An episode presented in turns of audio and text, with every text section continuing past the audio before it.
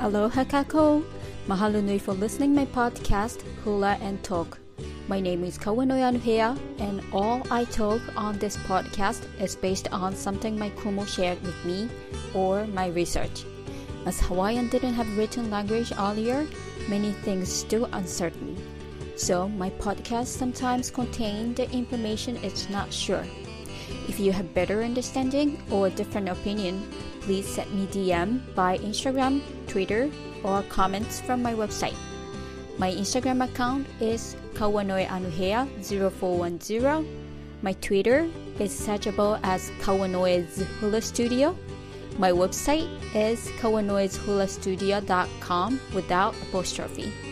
I would highly appreciate your opinion.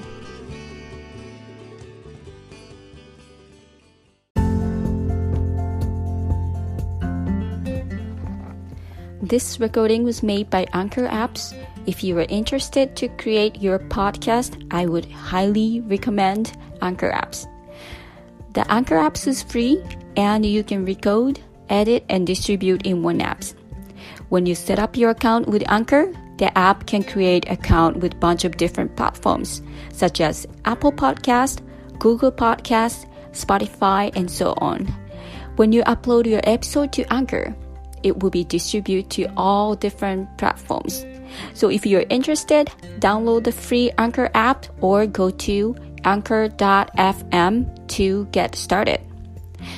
もし興味のある方は、アンカーの無料アプリをダウンロードするか、ウェブサイト anchor.fm をチェックしてみてくださいね。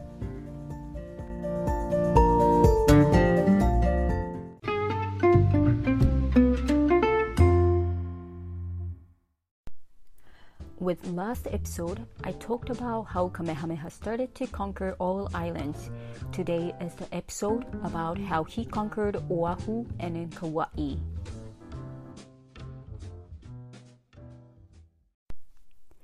In April 1795, Kamehameha and his 1600 warriors sailed to Oahu, and this was the last battle of Kamehameha fought to conquer the Hawaiian Islands.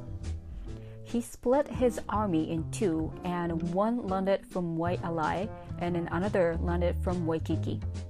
They marched towards the west where Kalanikupule was. Kupule's first defense line was near the Punch Bowl crater. At here, Kamehameha split his army in two again and let one half go straight towards to Kalanikupule. One half fought at Punch Bowl. Soon, Kamehameha defeated and went up to Nu'uanu from the other side.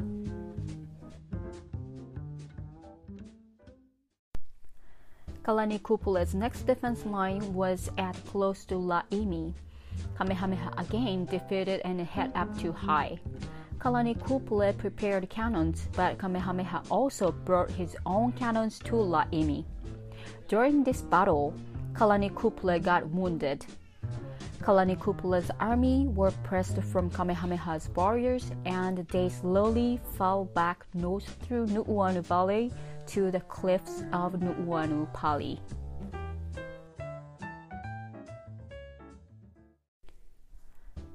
Over 700 Kalanikupule's warriors either jumped or were pushed over the edge of the Pali.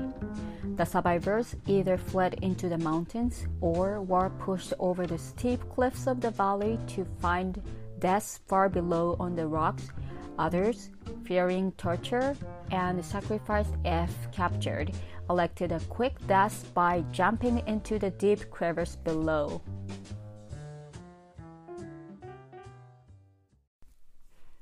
According to Wikipedia, in 1898, construction workers working on the Pali Road discovered 800 skulls, which were believed to be the remains of the warriors that fell to their deaths from the cliff above.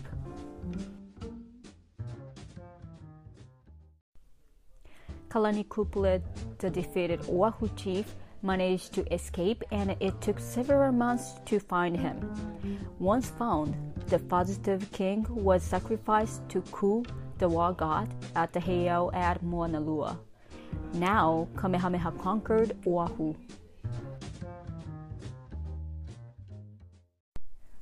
In 1796, Kamehameha attempted an invasion of Kauai, but strong winds and high seas in the channel swamped many canoes and postponed the invasion attempt.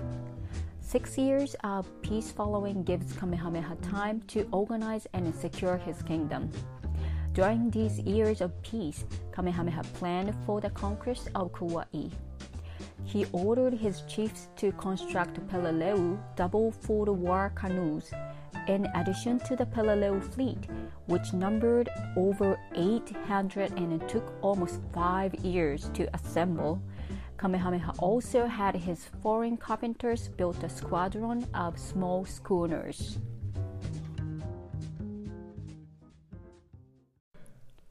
Hilo was capital of the kingdom for the six years between 1796 to 1802.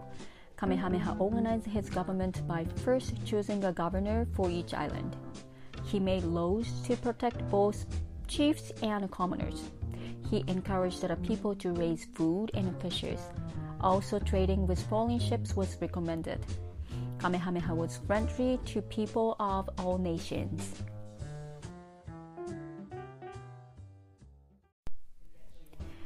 Kamehameha and his army moved to Maui in 1802 remained about a year, and proceeded to Oahu, arrived in late 1803 or early 1804. In 1804, Kamehameha was about ready to launch his invasion on Kauai in the spring. Then, a terrible pestilence appeared called Oku'u by the natives. Spreading swiftly, it decimated the population and destroyed many prime chiefs and warriors of Kamehameha's army. The exact nature of the disease was never determined. Kamehameha himself was stricken with the disease but managed to survive its death grip.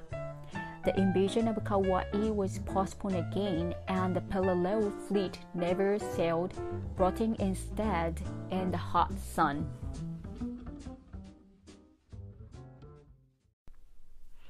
In 1810, Kamehameha and Kaumuali'i, ruler of Kauai and Ni'ihau, met in Honolulu. They agreed to place the two islands under Kamehameha's control and to allow Kaumuali'i to continue ruling Kauai and Ni'ihau until his death. Therefore, battles were fought by Kamehameha for Kauai and Ni'ihau. Now, for the first time, all the islands were united under one ruler. The prophecy of Naha Stone was finally fulfilled.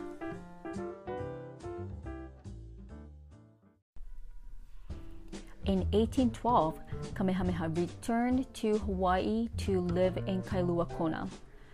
Kamehameha spent his last years at Kamakahonu by Kailua Bay in Kona. He worked hard as he always had. He was an expert fisherman and a good farmer. He raised kalo in the upland of Kona. Talking about the kalo, Hawaii is the only Polynesian island raised kalo in paddy field.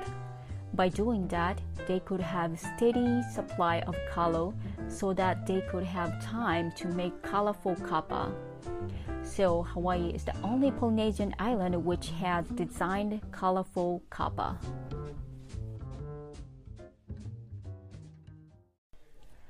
Kamehameha rebuilt a heiau and carved tall images of ohia wood.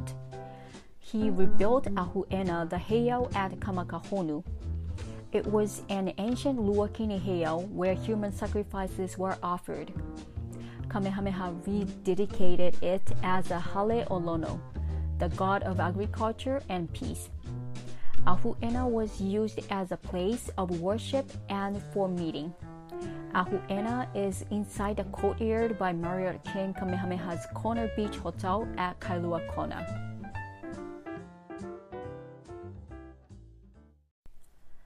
Kamehameha died on May 8, 1819, at Kamakahonu, his home in Kailua Kona. Before his death, he instructed his trusted friend Hoapili to hide his bones in place where they could never be found.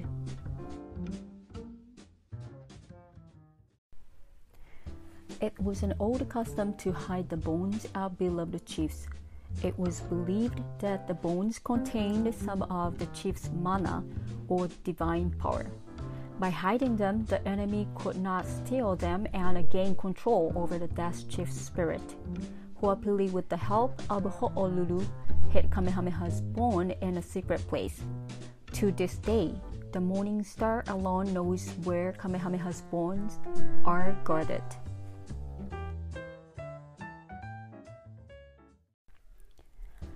The custom of killing the one who hid the bones when he returned so that the hiding place could never be revealed was forbidden by Kamehameha. Hoapili returned and undertook the care of Ka'ahumanu and Keopuolani until his death. This is the end of Kamehameha's episodes. I hope you enjoyed my podcast. If you think it's worth listening, I would really appreciate your donation from my website.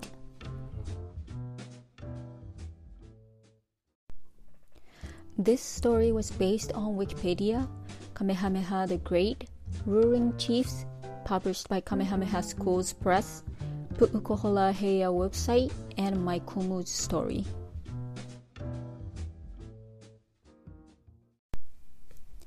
Mahalo nui for listening my podcast Hula and Talk. My name is Kawanoe Anuhea. The background music during the main story was from censussocket.com by Ambience. If you enjoyed my podcast, please share with your friends and family. And if you have a request or question, please feel free to DM me or contact me through my Instagram, Twitter, and website. Malamapono ahui ho!